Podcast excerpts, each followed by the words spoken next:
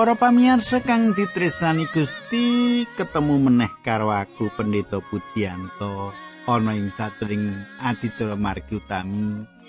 Kaya padatan aku bakal bebarengan karo panjenengan matur nuwun banget menawa panjenengan tansah ndongaake aku. Kaya dene kanca-kanca ing kantor tansah ndongaake panjenengan supaya panjenengan pinanggih rahayu. Nah kadangku kepiye panjenengan? Apa wis nyawisake wektu kanggo ketemu karo aku? Panjenengan tak derekake nambahi kawruh kasukman panjenengan kanthi nyemak pangandikani Gusti. Sugeng midhangetake ati iki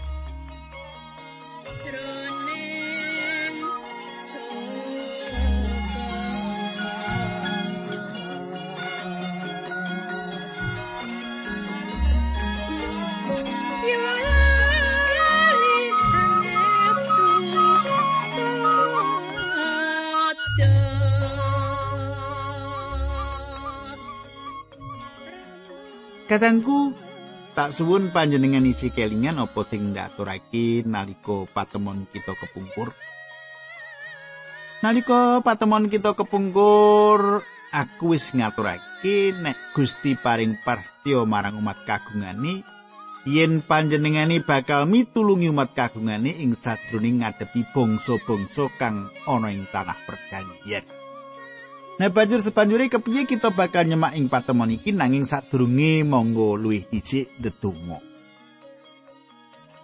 Duh Kanjeng Rama ingkang dampar wonten kraton ing kasuwargan kawula ngaturaken gunging panuwun dene wekdal menika kawula saged tetunggilan kalian sederek-sederek kawula ingkang setya tuhu midhangetaken adicara menika. Kawula nyuwun Gusti menawi wonten sedherek kawula ingkang samenika kedah nampi coban ingkang awrat. Paduka angkat coban menika supados ngraosaken kalegan awit saking pitulungan paduka. Dinambaran asmanipun Gusti kawula Yesus Kristus kawula ndedonga haleluya amin.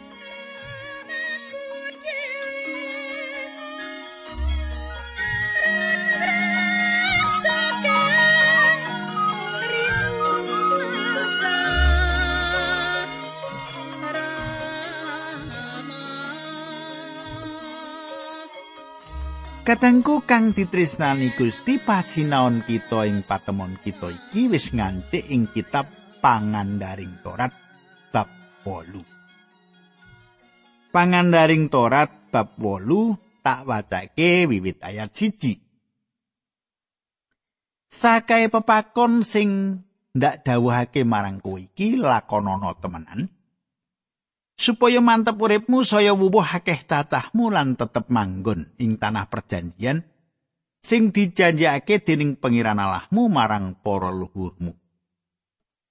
Sumitraku kang ndak tresnani pangandikan iki ditujokake utawa dialamatake marang turunan anyar. Kang wis ngadeg ana ing sisih wetan kali Bangsa Israel turunan anyar iki wis cemawis nyabrang kali Yordan mau lan mlebu ing negara iku kanthi waspada lan pengarep-arep kang luhur.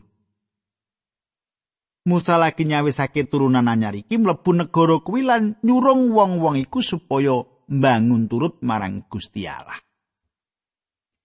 Supaya mbangun turut marang Gusti Allah. Ayat loro.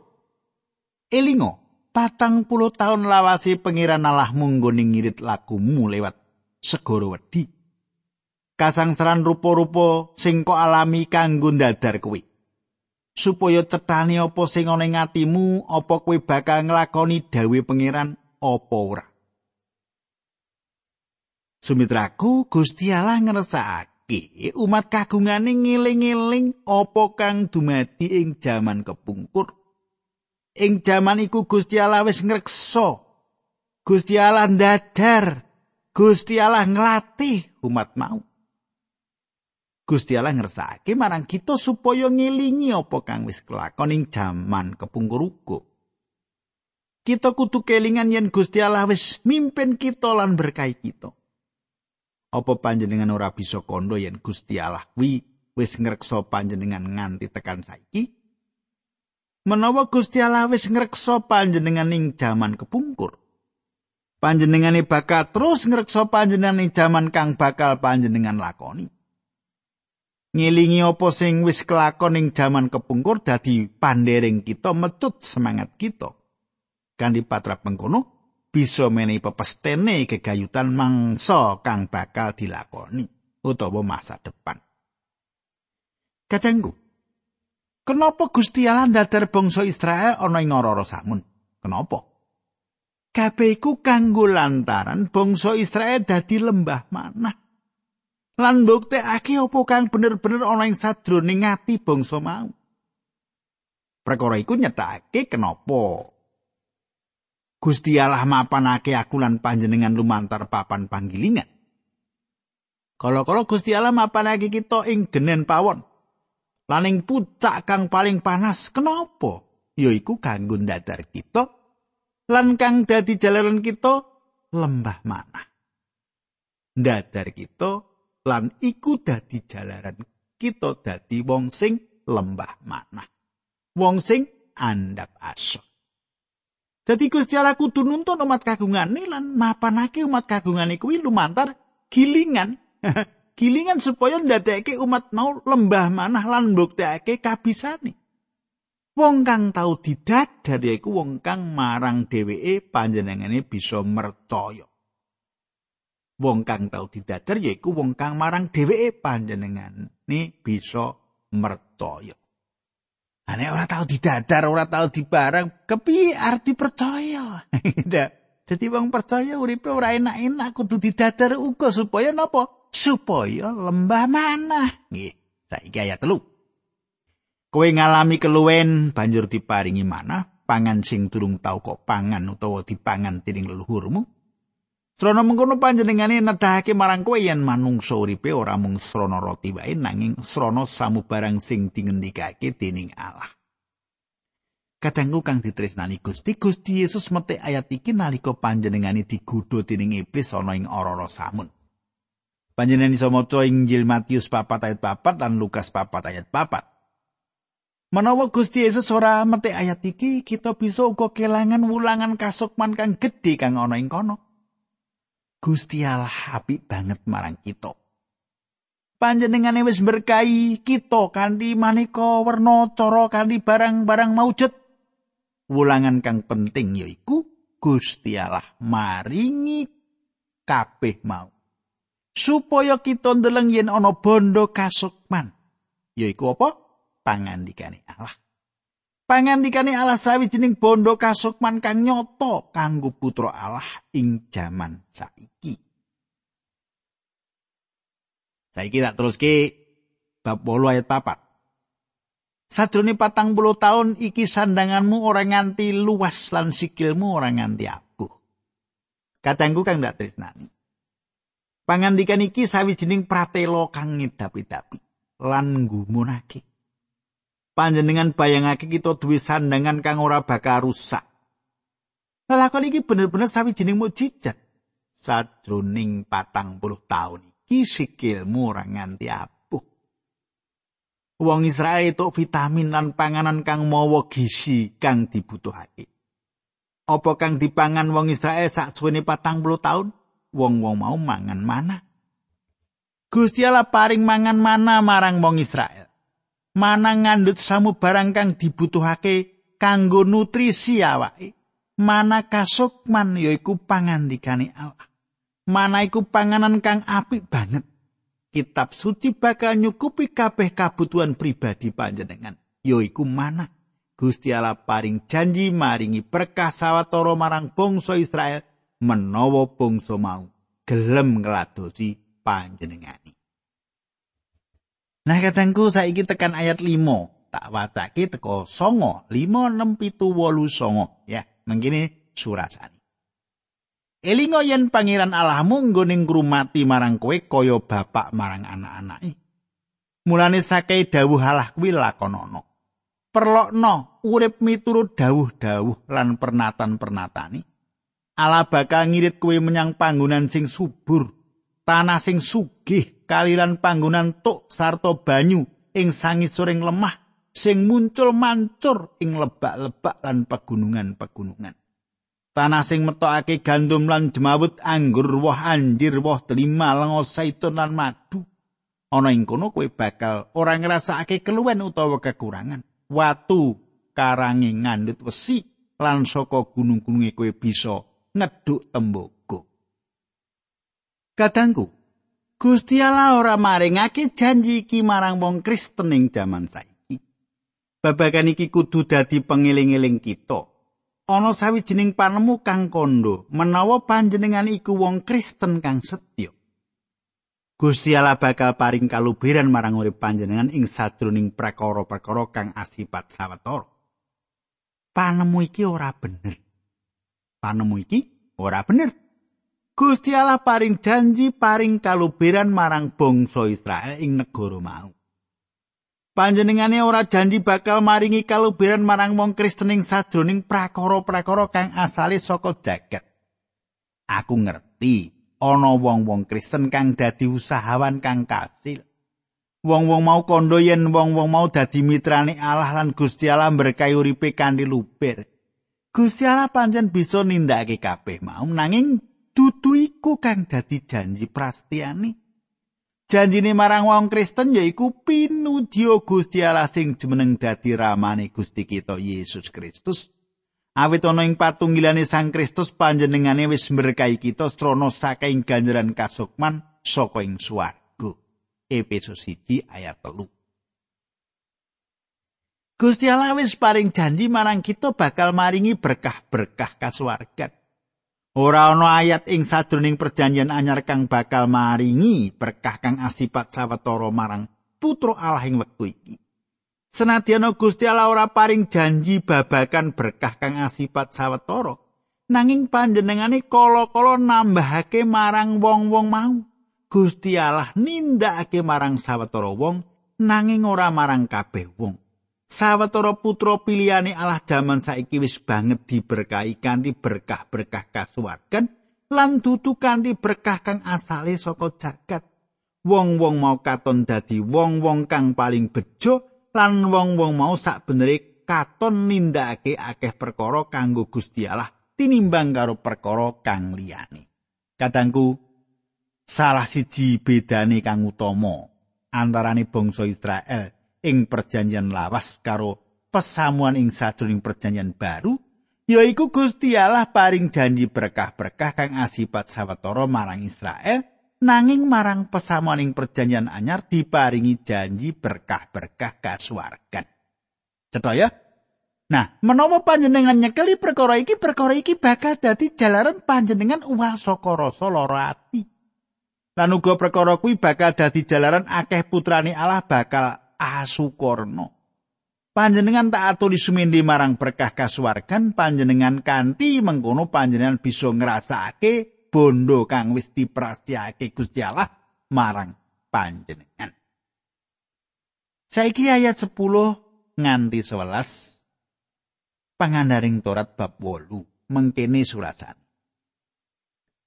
Kowe bisa mangan apa wae sing kok senengi lan kowe bakal saos syukur marang pangeran Allahmu. Marga subure bumi sing diparingake marang kowe sing ngati-ati kowe aja nganti nyepelekake pangeran Allahmu. Kabeh dawuh-dawuh sing tak paringake marang kowe aja ana siji wae sing kok anggap remeh. Katanggu Gusti Allah nrosake anggone ngilingake marang Israel gegayutan bakal tekani jaman kemakmuran utawa jaman aluber-luber. Ayat 14 nganti 16. Sing ngati-ati kowe aja nganti dadi gumunggung. Lan nyepelekake marang pangeran Allahmu sing wis ngluwari kowe saka ing tanah Mesir panggonanmu dek nalika dadi batur tukon. Allah ngirit lakumu ngambah segara wedi sing jembar ngilak-ilak lan gegirisi kebak ula lan kala jengking lemai garing tanpa banyu setetes-tetes nanging panjenengane ndawuhake banyu mili saka ing padas supaya kowe bisa ngombe sawarek. Ana ing segara wedi mau panjenengane maringi kowe mana dadi panganmu, pangan sing durung tau dipangan leluhurmu. panjenengane nekakake karepotan rupa-rupa kanggo ndadarimanmu supaya ing sateruse kowe diberkahi wujud rejeki. Katengku kang ditresnani Gusti Gusti Allah paring janji andadekake bangsa Israel dadi bangsa kang unggul ing bab berkah-berkah kajasmane. Gusti Allah ora paring janji marang pesamuan. Dadi aja ngetrapake janji kuwi kanggo panjenengan dhewe. Pengarep-arepe putrane Allah saiki yaiku Sang Kristus kang bakal rawuh kanggo nuntun kita metu saka jagat iki. Pengarep-arepe wong Israel isih ana ing jagat iki, bedane karone kuwi banget dening penting. Menawa panjenengan budidaya nyampur janji-janji iki, panjenengan bakal bingung. Akeh banget para teolog kang nyampur rong perkara iki. Wong-wong mau nyampur kabeh isine kitab suci, menawa panjenengan ngitinake kitab suci ditambani apa anane panjenengan bakal ndeleng Gusti Allah teliti banget nalika panjenengani maringi janji-janji. Nah, saiki ayat pitulas nganti wolulas. Mengkini surasane mulane aja pisan-pisan duwe pikiran yen enggonmu dadi sugih kuwi merga saka daya kekuatanmu dhewe. Elinga yen sing ndadekake kowe sugih kuwi pangeran Allahmu. Lan nenggone tumindak mengkono mau, merga tekan seprene panjenengane setya karo janjine marang para leluhurmu. Kadangku nalika bangsa Israel ana ing negara kono lan bangsa iku dadi sugih. Mula panjenengan ngerti yen bangsa mau bangun turut marang Gusti Allah. Nanging nalika bangsa mau uripe ora sugih ana ing negara mau, iku sawijining tandha yen bangsa mau ora mbangun turut marang Gusti Allah. Iku bangsa Israel yo. Saiki ayat 19 nganti 20. Sing ngati-ati. Aja pisan-pisan kowe ninggal marang pangeran Allahmu lan nyembah brahala-brahala. Banjur kok sembah lan kok bekteni. Yen penggawimu kaya mengkono elinga, marang pitutur kowe ing dina iki yen kowe mesti bakal ditumpes dening Allah. Yen kowe ora mbangun turut marang Allah, kowe bakal ditumpes ora beda karo bangsa-bangsa sing saiki ditumpes ana ing ngarepmu. Katengku kang ndak tresnani, Gusti Allah paring janji berkahi umat kagungani menawa bangsa mau mbangun turut marang panjenengani. Gusti Allah paring janji berkahi umat kagungani menawa umat mau bangun turut marang panjenengane. Menawa umat kagungan iku ora bangun turut, panjenengane bakal matrapi umat kagungan iku dikaya karo anggone panjenengane matrapi bangsa-bangsa kang ana ing negara kuwi sadurunge. Apa panjenengan ngerti kenapa? Kenapa? Awit bangsa Israel diparingi luwih akeh penerangan. Penerangan nyiptakake tanggung jawab ing ngarsane Allah. Saiki kita wis nganti pangandaring Torat bab 9. Gusti Allah nuju maringi keterangan meneh marang turunan anyar iki gegayutan karo jaman kang kepungkure bangsa Israel. Mula bukane bangsa Israel dudu bangsa kang apik. Gusti Allah ora nyelametake bangsa iki awis saka bangsa iki apik. Ora. Gusti Allah ora nimbali bangsa iki awit bangsa iki sawijining bangsa kang pinunjul. Gusti Allah ora nyelametake kita awit kita unggul utawa bangsa kang apik malah apik dhewe. Akeh wong duwe anggapan yen gereja kuwi wargane saka wong-wong kang luwih apik tinimbang wong liya. Bisa uga iki bener ana ing sawetara prakara nanging iki dudu sawijining gereja ing sajroning pangerten perjanjian anyar. Gusti Allah nyelametake kita awit kita Allah Gusti Allah nyelametake kita awit kita iki wong-wong dosa. Sapa? Ingantane panjenengan sing ngaku Allah Pak Puji aku ora dosa. Malah nek jenengan ngaku ora dosa kuwi dosa. Awit apa? Panjenengan goroh. Lah wong jenengan kuwi dosa mosok panjenengan ora tau gawe luput ing uripe. Ngaku-ngaku nek ora dosa ora dosa. Kita teruske bab 9 ayat 1 ana ing pangandaring Torat mengkene surasane. Para sedulurku, wong Israel rungokno ing dina iki kowe bakal nyabrang kali Yarden lan ngenggoni tanah sing dinggoni tining bangsa-bangsa sing cacahe lan karosane ngungkuli kowe. Kutane gedhe-gedhe nganggo beteng sing dhuwure sundul langit. Kadangku ing dina iki Ora ateges sedina patikur jam iku, nanging nuduhake nalika bangsa Israel iki bakal mlebu ing negara iku. Ayat loro. Wong-wonge dedeke gedhe dhuwur pancen turun buta lan kowe wis padha krungu yen ora ana wong sing wani nglawan wong-wong mau. Katangku, Gusti Allah paring sawijining laporan gegayutan perkara iku kang luwih banget ala tinimbang laporan kang digawa tining para telik candi. Gusti Allah wanuh lan Gusti Allah pirsa sapa kang manggon ana negara iku nanging sinadyana mengkono Gusti Allah paring dawuh supaya umat kagungane mlebu ing negara iku. Nanging umat kagungane nampik mlebu awit umat kagungane kuwi ora percaya marang Gusti Allah. Gusti Allah pirsa menawa bangsa kang manggon ning negara kuwi para buta. Panjenengane pirsa kabeh kang. Nanging Gusti Allah paring janji yen panjenengane bakal mlebu bebarengan karo umat kagungane. Menawa panjenengan bebarengan karo Gusti Allah, panjenengan bebarengan karo golongane wong kang paling gedhe. Sak benere katangku wong Kristen mlebu ing sajroning golongan kang minoritas tas utawa kang sithik ing jagat iki. Nanging aku matur marang panjenengan gegayutan apa kang ora dingerteni jagat bebarengan karo Allah. Kita dadi golongan kang paling gedhe. Apa panjenengan percaya iki? Nggih, Pak, percaya. Kudu percaya wong iki pangandikane Gusti kok panjenengan ora percaya ya salah dhewe. gitu. Ayat telu. Nanging saiki kowe bakal weruh dhewe.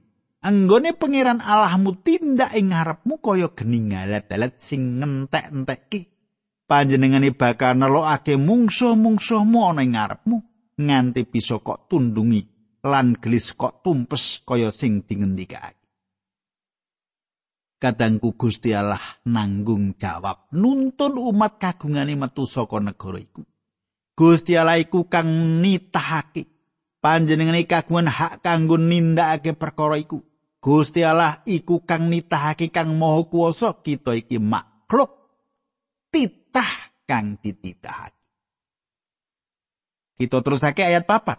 Ana dene semangsa pangeran Yehuwah Gusti Allahmu wis nundungi bangsa iku saka ing ngarepmu kowe aja padha duwe usik ing atimu mergo saka lelabetanku pangeran Yehuwah nggone ngirit aku lumebulan ngebaki negara iki. Sanyatane merga saka pambelasari bangsa-bangsa iku anggone padha ditundungi metu dening Sang Yewah saka ing ngarepmu. Katanggu Gusti Allah ngendika panjenengane nundungi bangsa-bangsa liya metu awit bangsa-bangsa mau bangsa kang blasar. Ora awit bangsa kang ana kono kuwi bangsa kang bener. Gusti Allah meratelake cetha banget ing perkara iki. Ayat 5 Ora merga saka lelabetan utawa saka jujuring atimu anggonmu lumebu ngejek negarane nanging merga saka pamblasare para bangsa iku pangeran Yewah Gusti Allahmu anggone nundungi metu saka ngarepmu sarta meneh supaya netepono perjanjiane kang wis didhawuhake kalawan supaos marang para luhurmu yaiku Romo Abraham, Romo Iskak lan Romo Yakub. Kadangku Gusti Allah ora mandap kanggo mbebasake Israel Awit bangsa iki bangsa kang ngidapi-dapi. Gusti Allah pirsa. Yen bangsa iki kalebu bangsa kang pangkot artine, nanging panjenengane mirengake pisambate nalika bangsa iki ana Mesir. Menawa panjenengan wanuh karo badan panjenengan dhewe yen panjenengan kuwi wong kang dosa. Lan butuhake sang juru wilujeng mula panjenengan perlu sambat marang panjenengane supaya nampani keselamatan. Iya toh? Gusti Allah bakal mirengake pisamet panjenengan. Apa panjenengan ngerti kenapa? Ora awet kaanane panjenengan nanging demi awet Sang Kristus. Menawa panjenengan sowan marang Sang Kristus kanthi kumandel, panjenengane bakal nyelametake panjenengan. Saiki ayat 6. bab 9 ngertiyo yen Allah ora maringake tanah sing subur kuwi marang kowe merga kowe pantes tampa paringan mau. Ora kowe bangsa sing waka Katangku apa panjenengan ngerti yen Gusti Allah ora nyelametake panjenengan lan aku awit kita iku apik? Kita iki wong kang dosa. Panjenengane nyelametake kita awit Sang Kristus dudu awit saka kita. Gusti Allah wano panjenengan lan panjenengane ngendika panjenengane ora bisa nemokake babar blas barang kang bener ning urip panjenengan demi Sang Kristus Gusti Allah nyelametake kita lan Gusti Allah nemokake samu barang kang kita butuhake ana ing sajroning panjenengane Kaya ngapa anggoning gumunake perkara iku panjenengan deleng yen perangan ing sadroning kitab pangandaring turat iki sawijining wiji kanggo Injil sih rahmate Allah. Kadangku kepiye teruse perangan iki kita bakal nyemak ing dina candake ing saiki kita pungkasi semene dhisik. Ojo lali besok panjenengan ojo ngantek ora mirengake. Sadurunge tak pungkasi, aku bakal ngaturake salam sik. Ya kuwi marang Ibu Agustina Matius. Kulo sami menika mirengaken program panjenengan kanthi setya Pak Puji. Kulo rumaos katambahan kawruh rohani kulo lan panjenengan anggenipun meratelaken pangandikanipun Gusti kayektosan menika saestu dados panglipuran kegiatan kula sak keluarga. Matur nuwun Ibu Agustina. Nah katangku ayo kita tumungku kita ndedonga bareng. Duh Kanjeng Rama ing swarga kawula ngaturaken kuing panuwun. Menawi kawula pikantuk serat saking Ibu Agustina Matius. Nanging mboten namung Ibu Agustina kemawon sedaya sedherek kawula ingkang mirengaken lan pikantuk berkah supados paduka langkung kiyataken kanthi pepanggihan. Dinambaran asmanipun Gusti Yesus kawula ndedonga haleluya amin.